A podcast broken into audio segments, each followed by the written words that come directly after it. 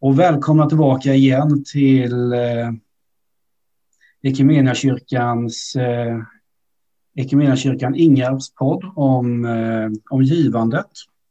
Givandets funktion, givandets grund och givandet, vad givandet gör med oss som människor, som gemenskap och som samhälle. Som samhälle. I första delen så pratade vi ganska mycket om eh, om vitt och brett, både om motiv för givande, vad vi ska ge till och eh, om det här med lite mer eh, tunga ordet offrande. Eh, jag tänkte att vi går på det här med eh, tionde. För det här är ju en sån sak som brukar dyka upp rätt så ofta, just när man pratar om, om, om, om givande. Det står om, om eh, tionde bibeln och det finns eh, ganska många som tycker att det här är en eh, bra princip. Jag kan börja med att förtydliga vad tionde innebär. Tionde är helt enkelt att man ger 10 av sin inkomst i, i, det, i, det samhället vi har i, idag med de här fiskala principerna med skatt och sådär så, så brukar de flesta säga att eh, tiondet ska, ska vara 10 procent av inkomsten efter skatt. Det här går igen framförallt i Gamla testamentet där Gud ålade israeliterna att eh, ge tionde av, av allt de fick in i form av eh, jordbruksprodukter och och, eh, och, och, av, av eh, vad djuren eh, gav och skulle fungera som en form av religiös skatt för att underhålla templet. Eh, ge tempeltjänarna lön, för de hade, de hade inte möjlighet att försörja sig själva utan de var vigda åt att sköta templet och de behövde äta dem också. Eh, och i det här fanns också ett, eh, ett givande till behov, alltså man säger, någon form av socialtjänst kan man säga som var knutet till templet. Och det är då det här som en, eh, som en del har valt att eh, lyfta in som en princip idag. Och jag tänkte vi, eh, vi lyfter den här frågan, tionde, är det här en biblisk princip som eh, vi ska hålla oss till eller eh, är det någonting som var där och då som inte behöver gälla här och nu? Vad säger ni? Mattias, jag, tar, jag bollar den till dig. Tack så mycket. Den, den lätta frågan. Eh, ja, men nu har ju du rätt ut den klassiska frågan om det är brutto eller netto. Då. Eh, så, så då var det skönt att den, att den liksom blev tillrättalagd så.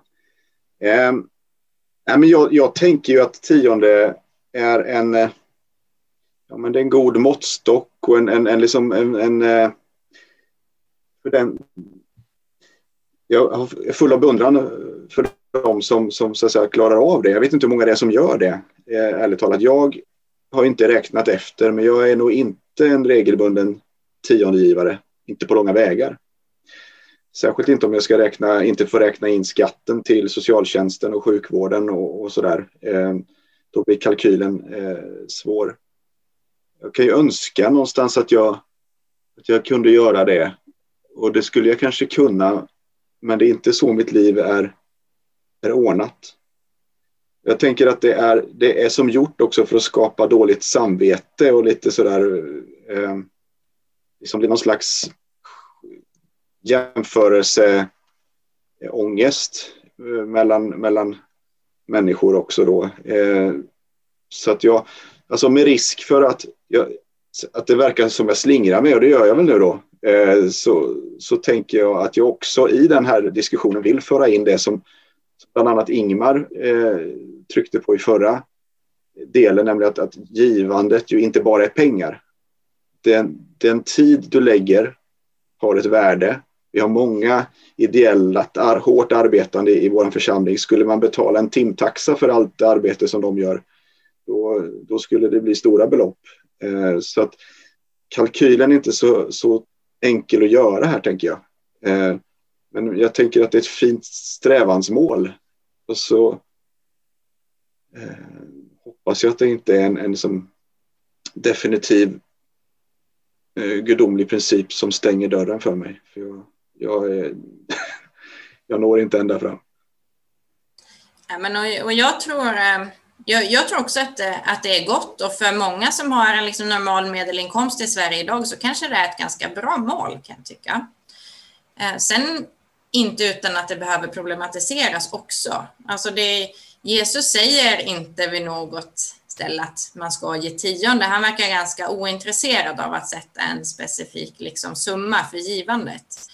Eh, det, där vi framförallt hittar det här med tionde, det är Gamla Testamentet och som en del av lagen.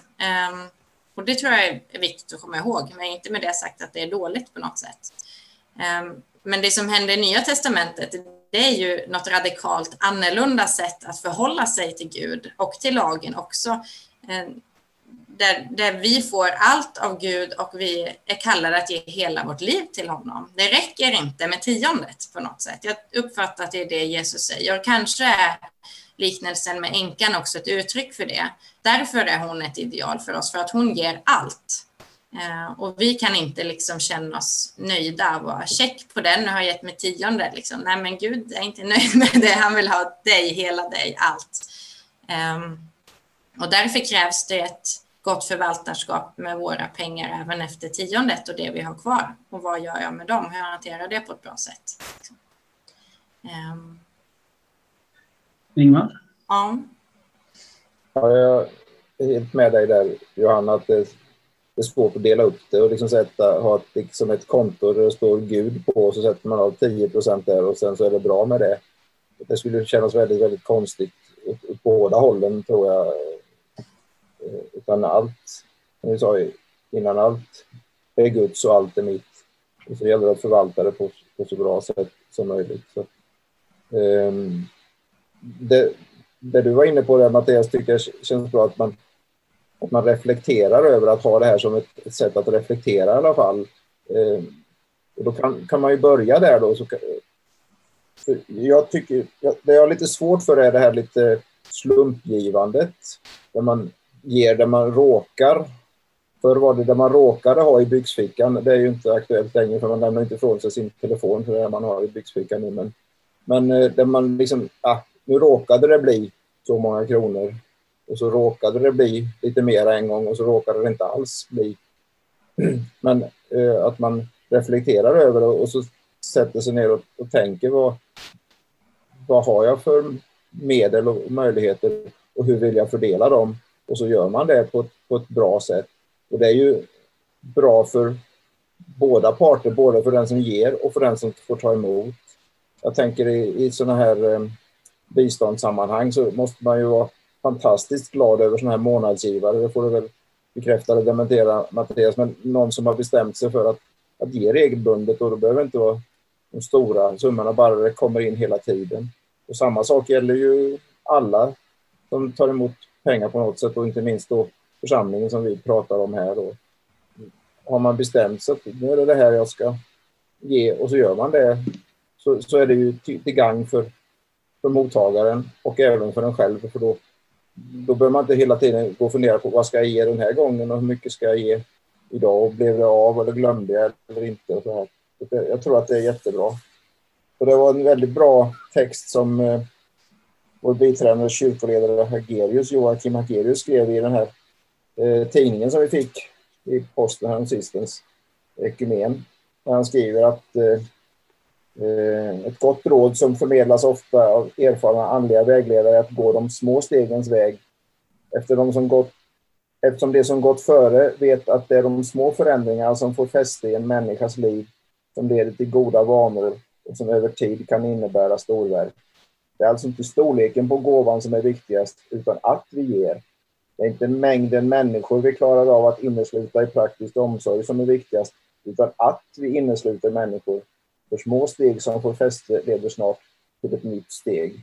Jag tycker att det är ett rätt så skönt förhållningssätt att man, man reflekterar och är lite konkret. Men jag tror kanske ändå att, att många, alltså jag, nu talar jag för mig själv, men när man själv tänker på något är det ju ofta någon mer som tänker på det. Men skulle gärna vilja ha ändå lite mer konkret alltså, råd hur man kan tänka när man ska fundera över det här. då. Okej, nu vill jag ta ansvar, nu vill jag ge liksom, ja, men rätt summa till församlingen. Vad är rimligt? Vad är, vad är liksom en rimlig summa? Jag tror att det är, ja, är det liksom 100 kronor i månaden eller är det 3000 eller vad? Ja, de vet ju inte vad någon annan ger och det är ju så det ska vara. Men det gör det ju ganska svårt det här, nu vill jag ta ansvar. Alltså det var någon som eh, gav givande och som talade för sig, som talade för det här, som uttryckte ungefär som att det är en summa som jag klarar av att bära, men som ändå är tillräckligt hög för att jag ska känna att det svider lite, att jag gör något, att det här är viktigt för mig. Snarare än att tala om en bestämd summa är det kanske den balansen som vi eh, får försöka eftersträva på något sätt. Då är vi tillbaka till det här. Ja, Förlåt Ingmar. Okej. Nej, då är vi tillbaka vid det ordet offrande då. Och huruvida det finns ett värde i att, att det ska svida lite grann.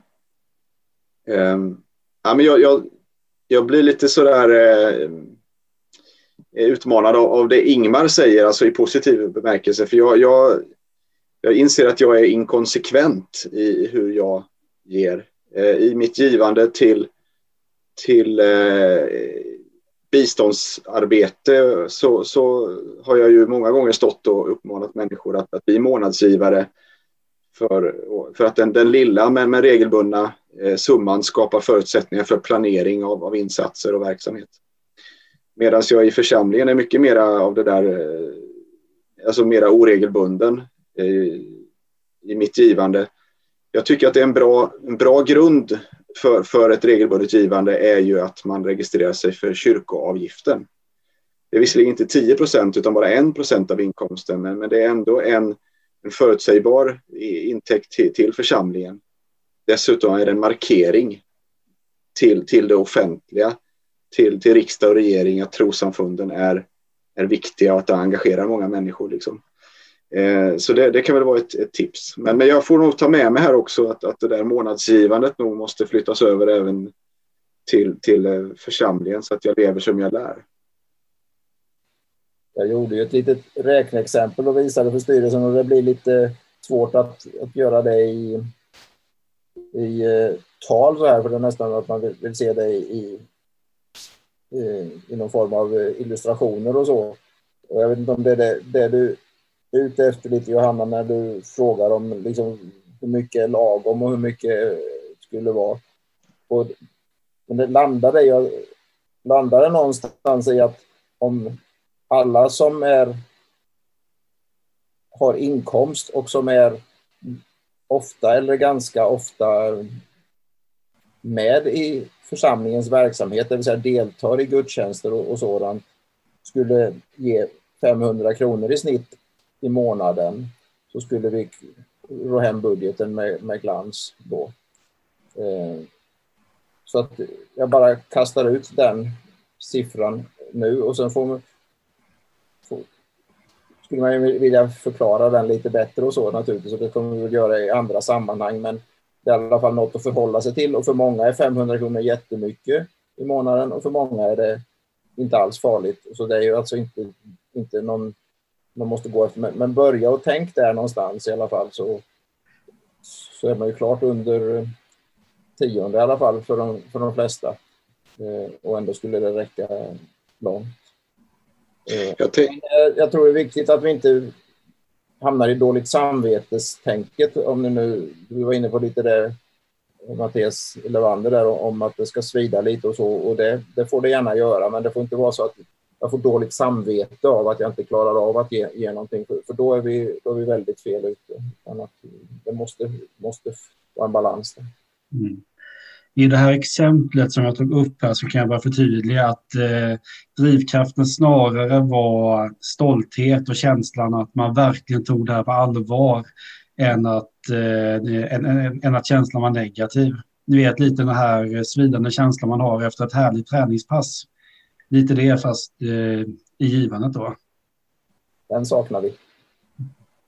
Men är det jobbigt det här tror ni? Liksom om man nämner en, en summa, alltså det är ju känsligt och det är bra att man hanterar det varsamt. Men Eh, är vi lite för rädda att prata så här? Jag, Mattias Ingesson här då. Eh, det är trevligt att vi är två Mattias. Eh, men jag, jag, tänker att det beror helt på hur man pratar om det. Återigen till, till bistånd och insamlingsbranschen då, så, så älskar man ju där att, att ge exempel på. För, för, för 500 kronor så, så kan du betala för en månads skollunch för ett barn i Kenya eller, eller den typen av exempel. För att givandet ska bli konkret och, och ett, ett, så att säga, ett belopp som på något sätt hjälper en att, att förstå. Eh, men svara på den frågan du ställde i början här då, Johanna, den tror jag kan vara, kan vara till stöd och hjälp om den inte liksom då kommuniceras som en eh, bara med piska liksom. Det, så att jag tror att, att prata om hur, hur om, man, om man delar det här och vi ska bära det lika alla i, i församlingen då hur, hur mycket måste vi vara än ge det? Det tycker jag är en, en intressant siffra som, som man mycket väl kan prata om. Sen, sen går ju det givandet olika till då. Eh, vi har våra aktioner som, där vi tar in mycket av det här under året då. Eh, ger man väldigt mycket då, då, då kanske det inte är ett månadsgivande på 500 kronor ovanpå det som man det, det kanske man klarar. Många klarar ju det. Eh, men alltså, man kan på något sätt inte eh, säga kräva för mycket av människor. Du ska ge 500 kronor i månaden plus att du ska köpa en massa saker på auktionen plus att du ska göra det. Utan då får man på något sätt, då är det bättre att beskriva det att, att ja, men vår verksamhet kostar ungefär 500 kronor i månaden per person som, som är delaktig och aktiv. Det är ungefär. Sen får du räkna själv och välja ditt sätt. Men upp, siffran känns ju inte farlig på det sättet. Ja, men det är bra som du lyfter det här med som exempel. Mm. Jag kan vara bra. Mm. Jag har tänkt någon gång att man skulle kunna räkna ut hur mycket elen i kyrkan kostar och sen så dela, dela in det i, i liksom 365 eh, delar och så kan man få liksom ge be, bekosta elen en dag. Eh, och så kan man sitta där på den dagen på gudstjänsten och tänka att utan mig hade det varit mörkt. Mm. eh, Ja. ja men kon konkretion är alltid, alltid roligt och motiverande. Jag skulle vilja ställa en annan fråga här. För att eh, genom efterforskningarna och tidigare också så har jag snubblat över ett intressant och som jag tror eh, många skulle uppleva som ett provocerande fenomen. Det finns nämligen kristna sammanhang där man mot att eh, man skänker en viss summa, ganska hög summa, eller också mot att eh, man ger tionde har företräde till vissa ledarfunktioner i församlingen eller får lite av ett guldmedlemskap i, eh, i församlingen. Eh, Skojar du eller är du allvarlig? Jag är faktiskt allvarlig.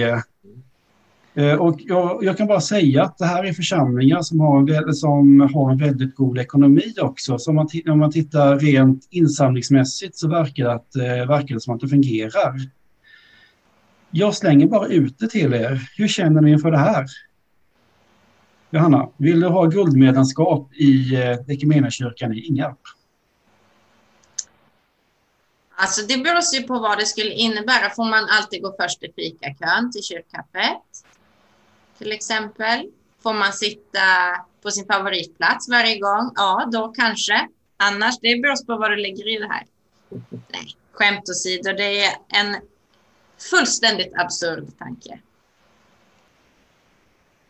Ja, men även för mig också då. Så jag, men jag tänker så här att, att jag som insamlare då så tänker jag så just Ja, men det där med fikat lät ju bra Johanna. Eh, Eh, Eh, och alla sitter ju ändå på samma plats. Liksom. Tänk om man betalar för att få den där platsen. Det är ju, där, där finns ju pengar att hämta. Mm. så som så att säga, lite humoristiska insamlingsaktiviteter med glimten i ögat kan man ju leka med med det här möjligtvis. Men att, att göra skillnad i församlingen på, på rik och fattig på det sättet. Det är helt otänkbart i min, i min värld och jag kan inte se att det, att det kan ha någon, någon biblisk grund heller. Eh, det måste vara ett, ett, ett, ett, så att säga, ett, ett insamlingsknep som som spelar på, på status, hierarki och makt. Eh, och det är ju, är ju sånt som vi försöker liksom vända oss ifrån i, i, i församlingen. Så det låter, inte, det låter inte bra. Det är ju ett typexempel på det dåliga givandet som vi pratade om i första delen. Ja, det skulle jag säga. Intressant detalj i sammanhanget är att eh, det bara är pengar man kan ge för att eh, få de här eh, lite högre funktionerna.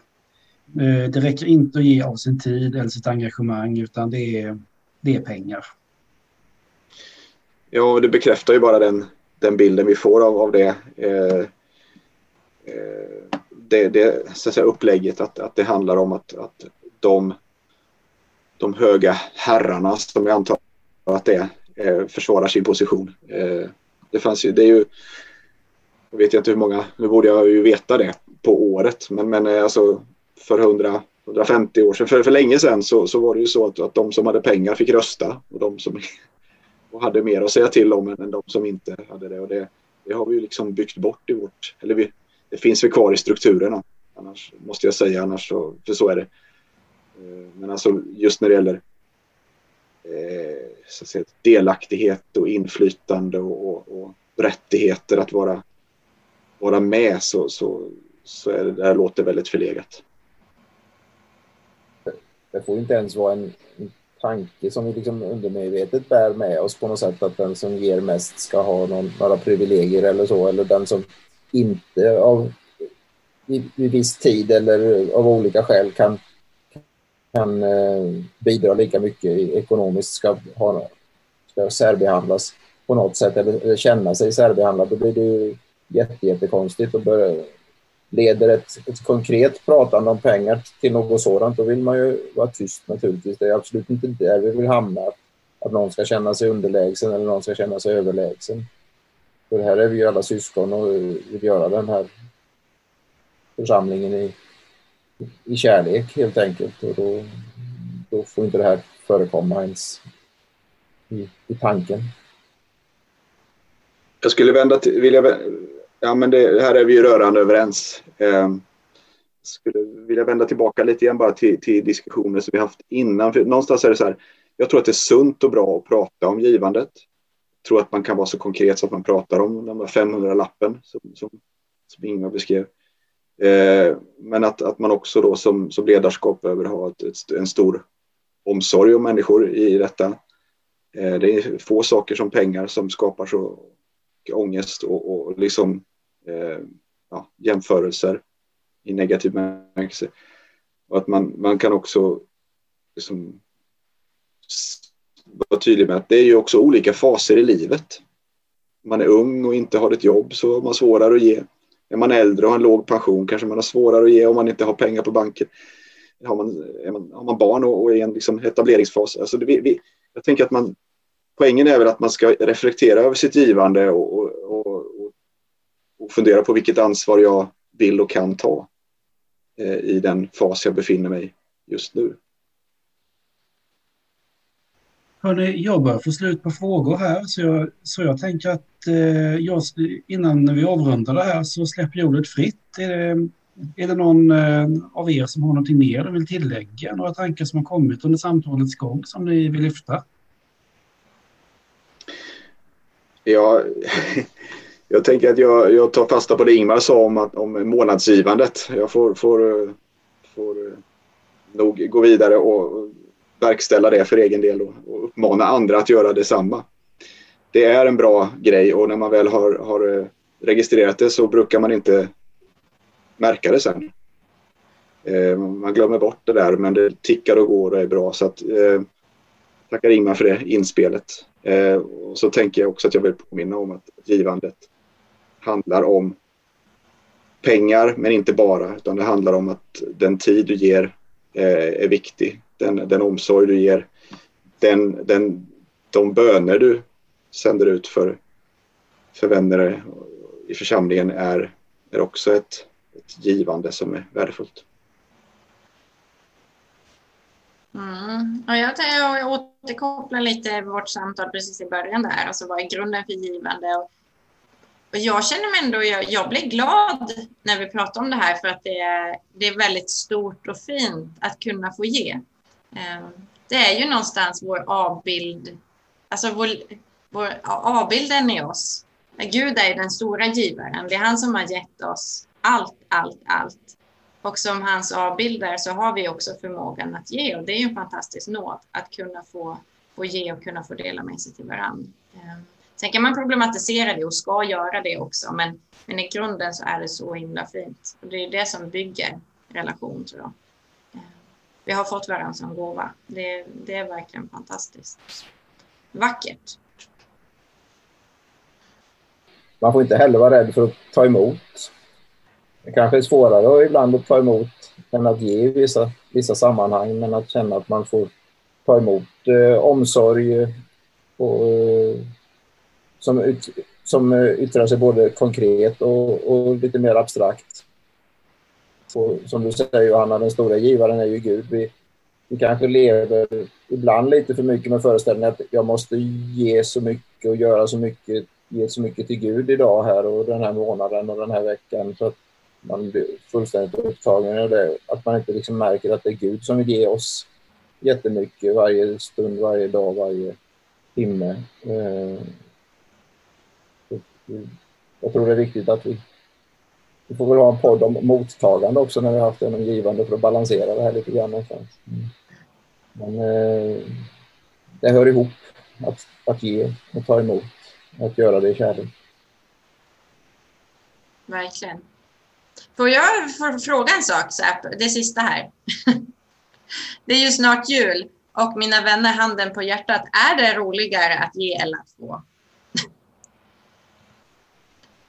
För egen del kan, kan, jag faktiskt helt ärligt med handen, och säga, med handen på hjärtat säga att hitta den perfekta julklappen till någon man gillar är en oslagbar känsla. Ja, jag, jag instämmer. Jag tycker det är mycket roligare att ge än att få. Men jag tar... Ja. ja jag, ska, jag stannar där. Och jag eh, håller med både min namn är Mattias och Ingmar att, att just eh, det är roligare att ge än att få. Kanske har det med ålder att göra. Eh, eh och, eh, men att hitta den där rätta julklappen till, till någon är, är ju en, en betydligt större kick än, än att få. Därmed vill jag säga till min fru och mina barn att, att det, det är inte så att jag inte vill ha några julklappar. Eller till min svägerska. Och eh, det bra är ju att ge kan man göra året runt.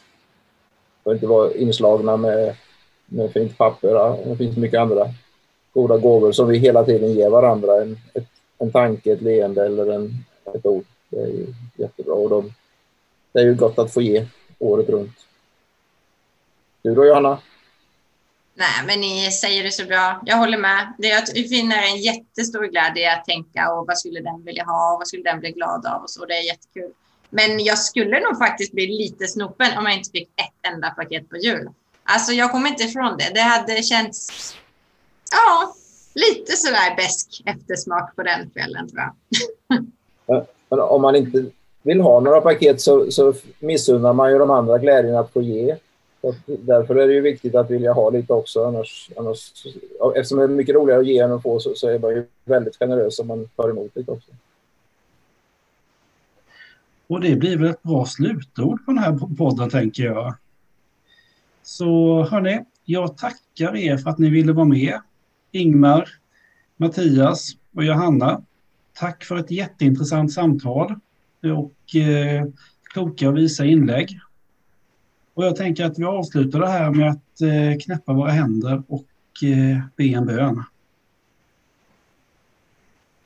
Himmelske Fader. Tack för att du är hela livets Gud. Tack för att allt vi är, allt vi har, allt vi vill kan vi ge till dig du kan använda det i ditt rike. Men tack också för att du aldrig tvingar oss till något. Tack för att Du vill att vi ska vara med på det. Tack för att vår glädje och vår trygghet och vårt, och vårt gensvar gentemot dig är betydelsefullt. Och jag vill lägga det här samtalet vi har haft nu i dina händer. Jag ber att det här ska vara en inspiration både till att tänka över sitt eget givande men också en inspiration till sitt givande. Att man, att man landar i att ja, det här handlar faktiskt om dig och det är någonting vi gör för dig. Och jag vill be för vår församling. Jag vill be för var och en som lyssnar på det här. Ber om din rika välsignelse och din frid över dem. Men också över dem eh, som inte lyssnar. Välsigna dem med. Amen.